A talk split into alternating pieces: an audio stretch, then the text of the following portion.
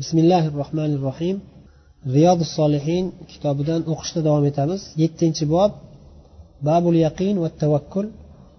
Yaqin to'la ishonch tavakkul allohga tavakkul qilish. Allohga to'la ishonch va allohga tavakkul qilish bobi. O'tgan safargi darslarimizda bu bobdagi hadislarni to'rtinchisiga yetib kelgandik. Umumiy tartib bo'yicha yetmish yettinchi hadis bo'ladi. عن أبي هريرة رضي الله عنه عن النبي صلى الله عليه وسلم قال يدخل الجنة أقوام أفئدتهم مثل أفئدة الطير. رواه مسلم. قيل معناه متوكلون وقيل قلوبهم رقيقة. imom navoiy o'zlari qisqagina so'zlar bilan sharhlab qo'ydilar abu hurayra roziyallohu anhu aytyaptilar rasululloh sollallohu alayhi vasallamdan rivoyat qilib rasululloh sollallohu alayhi vasallam aytdilar jannatga shunday bir qavmlar shunday bir odamlar kiradilarki ularning qalblari ularning qalblari xuddi qushlarning qalbidek bo'ladi. Imom muslim rivoyatlari. Qanday ya'ni qushlarning qalbi deganda nima ko'zda tutilgan nima ma'no ko'zda tutilgan deganda ulamolar ikki xil ma'noni aytishgan. Ikkalasi ham sahih bo'lish aniqroq. Birinchisi mutavakkilun. Allohga tavakkul qilishda xuddi qushlarga o'xshab tavakkulda bo'ladilar. Bunga dalil arbaina navoiyadagi oxirgi hadislardan bittasi. o'sha jannatga kiradigan bir toifa odamlarning qalblari xuddi qushlarning qalbiga o'xshaydigan bo'ladi qaysidir bir jihatdan qaysidir bir jihatdan o'sha jihati nima desa ikki xil jihat bo'lishi mumkin deb sharhlangan birinchisi qushlarga o'xshab tavakkul qiladilar xuddi rasululloh sollallohu alayhi vasallam hadisda aytganlaridek لو أنكم تتوكلون على الله لو أنكم تتوكلون على الله حق توكله لرزقكم كما يرزق الطير تغدو خماصا وتروح بطانا agar sizlar alloh taologa haqiqiy tavakkul qilishni tavakkul qilganinglarda edi xuddi qushlarga rizq berganday sizlarga ham rizq berardi beradi qushlar qanday deganda shuni sharhlab aytyaptilarki tag'du himasan va taruhu bitona ertalab tongda qorni och holda chiqib ketadi allohga tavakkur qilib qayerga qanday rizq topadi kimdan qayerdan oladi bilmaydi. Lekin chiqib ketadi tavakkul qilib harakat qiladi ya'ni. Ya'ni tavakkulni haqiqiy amaliy tafsiri bu ya'ni. Birinchidan allohga tavakkul qilib allohga ishonib chiqib ketadi. Chunki u yoqda kutib turadigan keldi telefon qilib aytib qo'ygan hech kim yo'q unga. Hech narsa bilmaydi qayerdan nima topadi. Balki qush e, ko'chaga chiqqanda mushukka yoki boshqa biron bir hayvonga yem bo'ladimi? Uni ham bilmaydi. Xavf xatarlar bor. Tavakkul qilib chiqib ketadi. Birinchisi allohga tavakkul qilib ishonch bilan chiqadi. Ikkinchi nuqtasi harakat qiladi ya'ni. Tavakkul deganda shu harakat bo'lishi kerak. O'sha rasululloh shu qushni misol qildilar. Ertalab chiqib ketadi kechqurun qaytib kelganda taruhu bitonan kechqurun qorni to'yib qaytib keladi. O'shanga o'xshagan ma'noda aytilayotgan bo'lishi mumkin bu yerda ham tavakkul qilishda juda ham oliy darajada bo'lgan iymonlari tavakkullari juda ham kuchli bo'lgan odamlar bular. Jannatga kiradiganlar bir toifa odamlar eng oliy darajadagi odamlar deb maqtalyaptida bu yerda. Ikkinchi ma'nosi qulubuhum raqiqa. Qalblari juda ham yumshoq.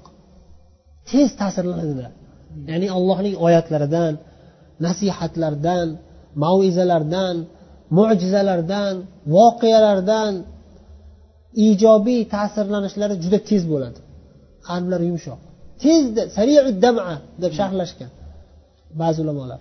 Ko'z yoshlari juda tez keladi. Darhol ta'sirlanib yig'lashadi qalblar shu darajada yumshoq taqvolari allohdan qo'rquvlari shu darajada kuchli. Ya'ni oliy. Yumshoqligidan qalb yumshoqligidan. Qalb qotib ketganlarga o'xshab emas qalb qotib ketgan odamlar ko'zini oldida katta katta voqeani ko'rsa ham ta'sirlanmay o'tiradi bu ishlar tabiiy. Haligi kofirlar indoneziyadagi bo'lgan zilzila ikki ming to'rtinchi yilni oxirida sunami bo'lganda zilzila bo'lib keyin sunami bostirib dengiz bostirib okean suv bosib ketganda bu tabiiy bir falokat bu g'azab tabiat g'azabi bu deb sharhlashib faqat shu tabiatdan oddiy ya'ni xudoga nisbat bermasdan ollohni bir balosi bo'lishi mumkin bu ollohni jazosi bo'lishi mumkin bu olloh qo'rqitayotgan bo'lishi mumkin degan narsani umuman e'tiborga olmaydigan moddiy moddiy bo'lib ketgan odamlardan emas balki shunaqa odamlar qalbi qotsa shu darajagacha borib borib qoladi xudo asrasin.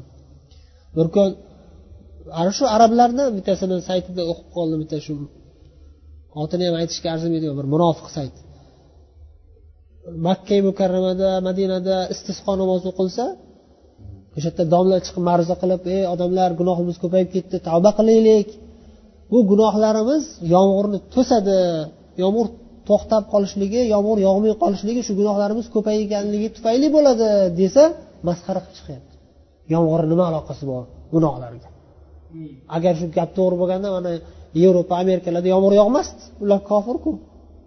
Ularda doim yomg'ir yog'adi. Deb moddiy tomondan kelib masxara qilyaptida.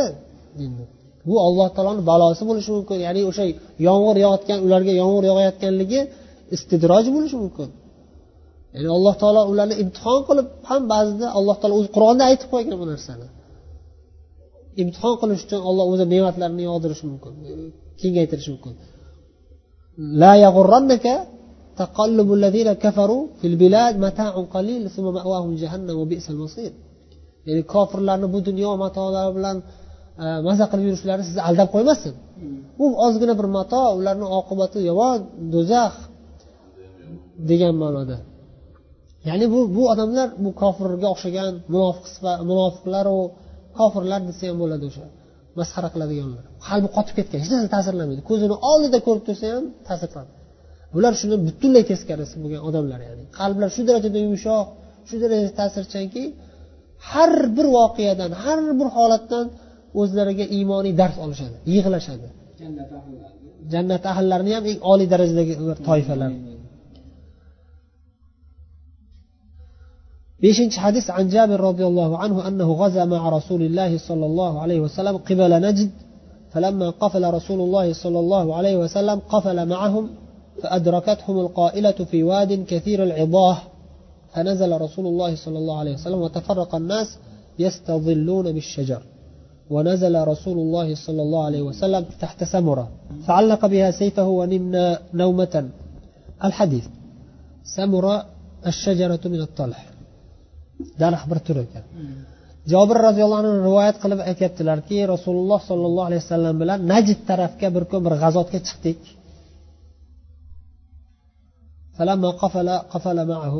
Ya'ni jobir rasululloh orqaga qaytganlarida g'azotdan ular bilan birga qaytdilar. Daraxtlar kasirul izo degani ya'ni tikonli daraxt tikonli daraxt tikonli bir daraxtlar bor bir vodiyga kelganda kunduzgi qoila vaqti kelib qoldi.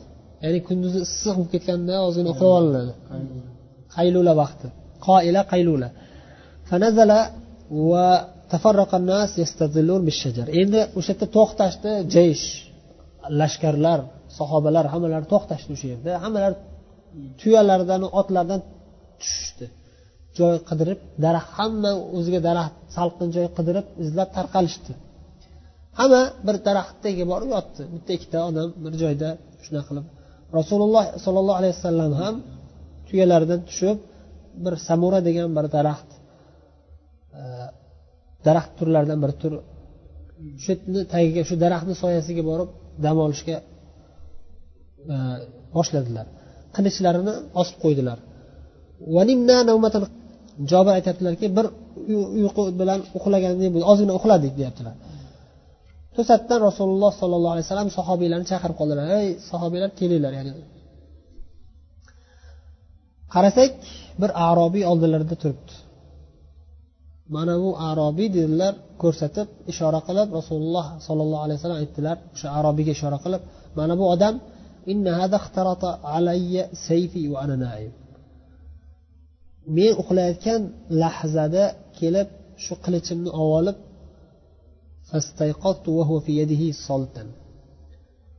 qilichimni olib ko'targanda men uyg'onganimda shunday qilichni boshimga tepamga olib kelib turgandi. Shunda uyg'ondim endi hozir seni mendan kim to'sa oladi kim qutqara oladi seni mendan dedi. Qultu alloh. Alloh alloh. Uch marta. Olloh qutqaradi dedim. Endi bu yerda keyingi rivoyatida aytilgan bo'lsa kerak e, keyingi o'qiylik. Va xullas valam va jalas uni jazolamadilar bu qilgan ishiga. Va o'tirdi u odam o'sha yerda. Muttafaqun alayh.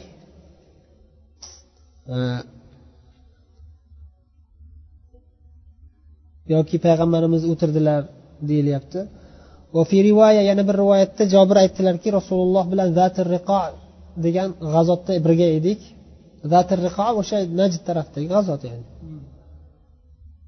فإذا أتينا على شجرة ظليلة تركناها لرسول الله bir soyali bir daraxtga kelsak rasulullohga berardik shu joyni siz rasululloh shu yerda uxlang deb eng yaxshi joyini rasulullohga berishadi.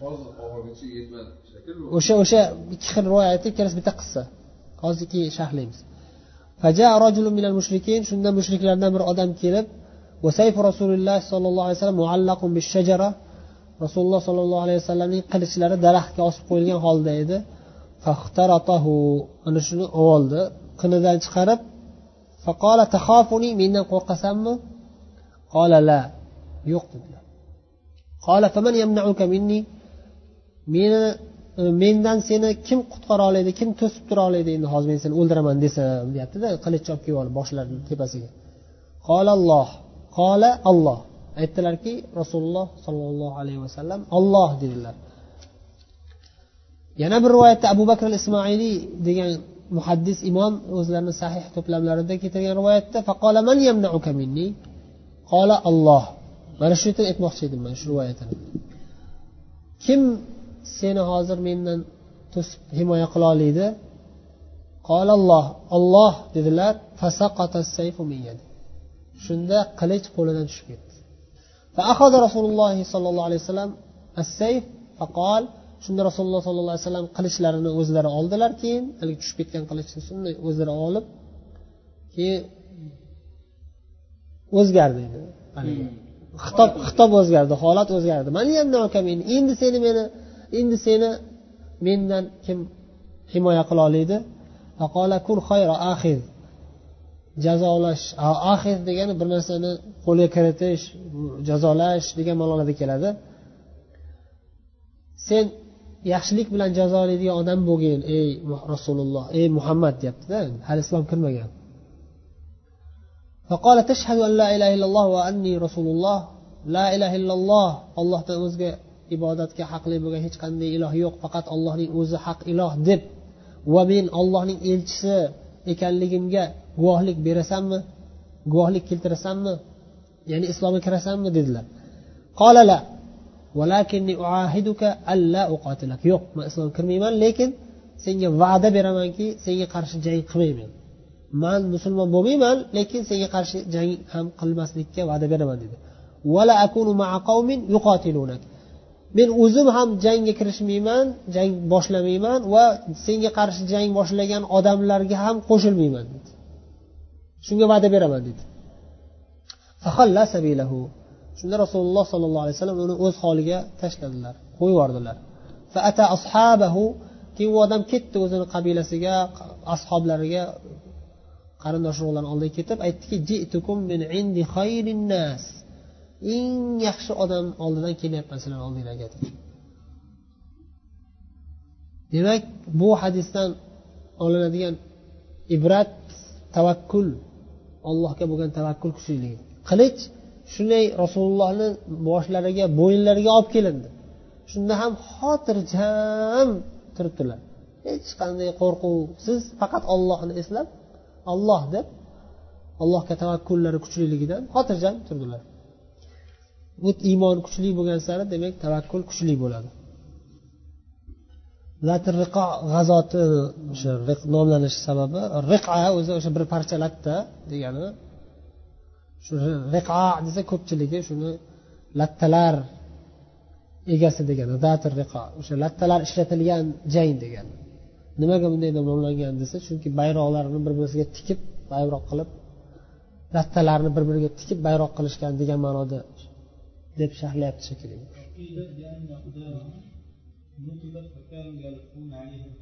E, yana bir sababi buni balki o'sha toshli joylarda yurilganda oyoqlari titilib ketgan yorilgan oyoqlari shunda shuni lattalar bilan oyoqlarini o'rashgan xuddi paypoqqa o'xshatib ya'ni shuning uchun o'sha bilan nomlangan shu riqo bor ediku jang aytiladigan qolgan.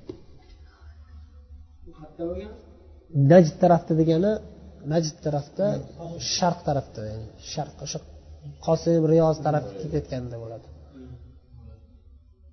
Bu nimada mushrik mushrik bo'lsa o'ldirish mumkin bo'lsa salom tashlagandan keyin o'ldirib qo'yib olishgan shunaqa yuborib ketiravergandan keyin rahmat.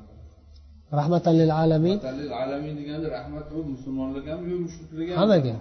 alamin degani butun olamga degani nafaqat insonlarga hatto hayvonlarga ham koinotga ham daraxtlarga ham hadislarda. Masalan qarasangiz bu terrorist deyotganda bolalarni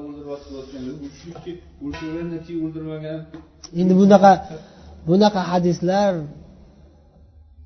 oyatlar hadislardan oldin oyatlar to'lib toshib yotibdi lekin boyagi aytgan gapimiz keladida qalbi qotgan odamlarni ko'zi ko'rinmaydi bu narsalar. Qalbi qotgan bu narsaga qaramaydi. O'rniga qarab o'rniga qarab. Bu ham a yetmish to'qqizinchi hadis. Ha. Ha u ham keldi mana u ham keldi. Ha buni ham o'qib qo'yaylik a bo'lmasam ya'ni yetmish to'qqizinchi hadis boya zikr qilgan hadisimiz keldi umar roziyallohu anhudan rivoyat bu arbaina navoiyda ham kelgan bu hadis oxirrog'ida rasululloh sollallohu alayhi vasallamdan eshitdim dedilar umar roziyallohu anhu u zot aytdilarki لو أنكم تتوكلون على الله حق توكله لرزقكم لرزقكم كما يرزق الطير تغدو خماصا وتروح بطانا. رواه الترمذي وقال حديث حسن. manda yo'q ekanmi sizlarda tushib qolibdimi sizlarda tushib qolibdi ba'zi nusxalarda shunaqa bo'lib معناه تذهب أول النهار خماصا أي ضامرة, ضامرة البطون من الجوع وترجع آخر النهار بطانا أي ممتلئة البطون. خماص degani o'sha qorni tortilgan degani o'zini semirib ketmasligi uchun har xil choralar ko'rishadiyu. Ozg'intiring xullas o'sha qorni tortilib tursa demak u ozg'in och degani qorni och degani. O'shanga ishora bo'lyapti. Ertalab chiqib ketadi qushlar qorni och holatida kechqurun qaytib keladi bitonan degani botun dan olingan qorin degani qorni qo'yib keladi degani. Qorin qo'yib keladi ya'ni qorni to'yib keladi bu o'ziga emas bu uyasida yotgan bola chaqalariga ko'tarib keladi. O'sha kelib o'shalarni ovqatlantiradi. O'ziga ham bola chaqasiga ham ya'ni. Demak bu hadisdan olinadigan foydalardan mana shayx ibn utaymin ham aytyaptilar. Birinchidan inson alloh taologa haqiqiy suyanishlikda tayanishlikda tayanish kerak. Ya'ni to'la tavakkul qilib yashash kerak. Ikkinchidan xotirjam bo'lish kerakki bu koinotda bu yerda yer yuzida hech qanday bir dabba ya'ni yerda yuradigan degan. Xoh u inson bo'lsin xoh hayvon bo'lsin xoh qush bo'lsin xoh hasharot bo'lsin xoh e, ilon bo'lsin chayon bo'lsin hech narsa yo'qki magaram ana shu narsalarning hammasini rizqi ollohning zimmasida olloh o'z zimmasiga olib taqdirda yozib bitib qo'ygan. Hech kim rizqi hech qayerga qochib ketmaydi. Hatto osmon havolarida uchib yurgan qushlar ham ollohning rizqida yashaydi. O'sha havoda muallaq holda uchib yurganda olloh uni o'sha ko'tarib turibdi o'zi. Havoda fazoda. Va faqat olloh unga rizq beryapti deyaptilar bu oyatda aytilgan o'zi alloh taolo hud surasini oltinchi oyatida bayon qilib qo'ygan وما من دابة في الأرض إلا على الله رزقها ويعلم مستقرها ومستودعها nima hud surasi oltinchi oyat mana bitta aytyaptilarki shayx husaymin allohga yomon gumonda bo'lgan odamlar juda ham ochiq oydin zalolatga ketgan bo'ladiki aytishadi la tukassirul avlad bola chaqani ko'paytirmanglar rizqinglar torayib qoladi deyishadi. Kadabu va robbil arsh deyaptilar. Arsh parvardigoriga qasamki yolg'on gapirishdi.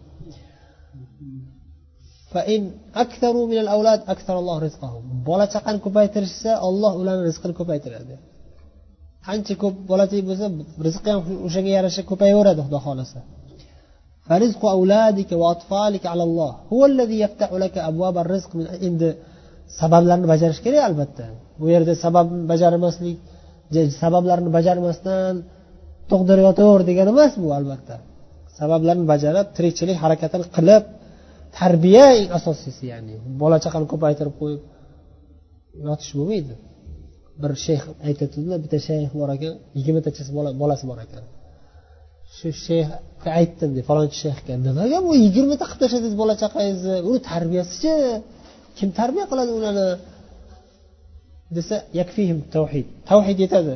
La illaha illalloh muhammad rasululloh namoz o'qisa bo'ldi. Deydi bu hikmatsizlik bo'ladi bu degan ma'noda tanqid qilgandilar. Himasan aytdikku o'sha qorni tortilib turadi ya'ni ochligidan bo'sh qorni bo'sh holatda. Yana aytyaptilar oxirgi foyda dalilu haqqa tavakkul falyafalil asbab. Mana hozir shu boya aytgan narsa ya'ni haqiqiy tavakkul qilgan odam sabablarni ham bajarsin deyaptilarda.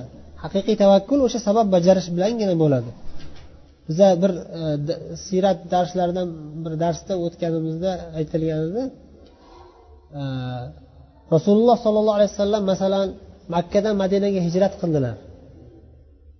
Shu hijratlarni o'zi birinchidan sabab sababni bajarish. Endi shu hijrat asnosidagi sabablari ya'ni hijratlari muvaffaqiyatli bilan o'tishi uchun madinaga tinch omon yetib olishlari uchun bajargan sabablari qancha sabab bo'lgan deb o'ylaysizlar.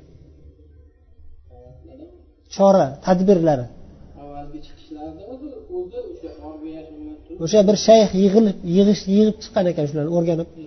Oltmish to'rttami deydimi shunaqa. Bir shayx oltmishtadan ko'p oltmishtadan ko'p tinch omon yetib olishlari uchun bajargan moddiy sabablarni sanab chiqqan u tavakkul iymon allohga iltijo duolarga qo'shib ya'ni u birinchi o'rinda turadi lekin moddiy sabablar ham zarur.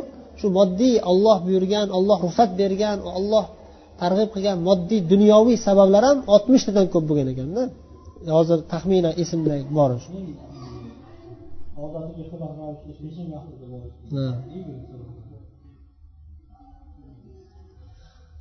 سبحانك اللهم وبحمدك نشهد أن لا إله إلا أنت نستغفرك ونتوب إليك والسلام عليكم ورحمة الله وبركاته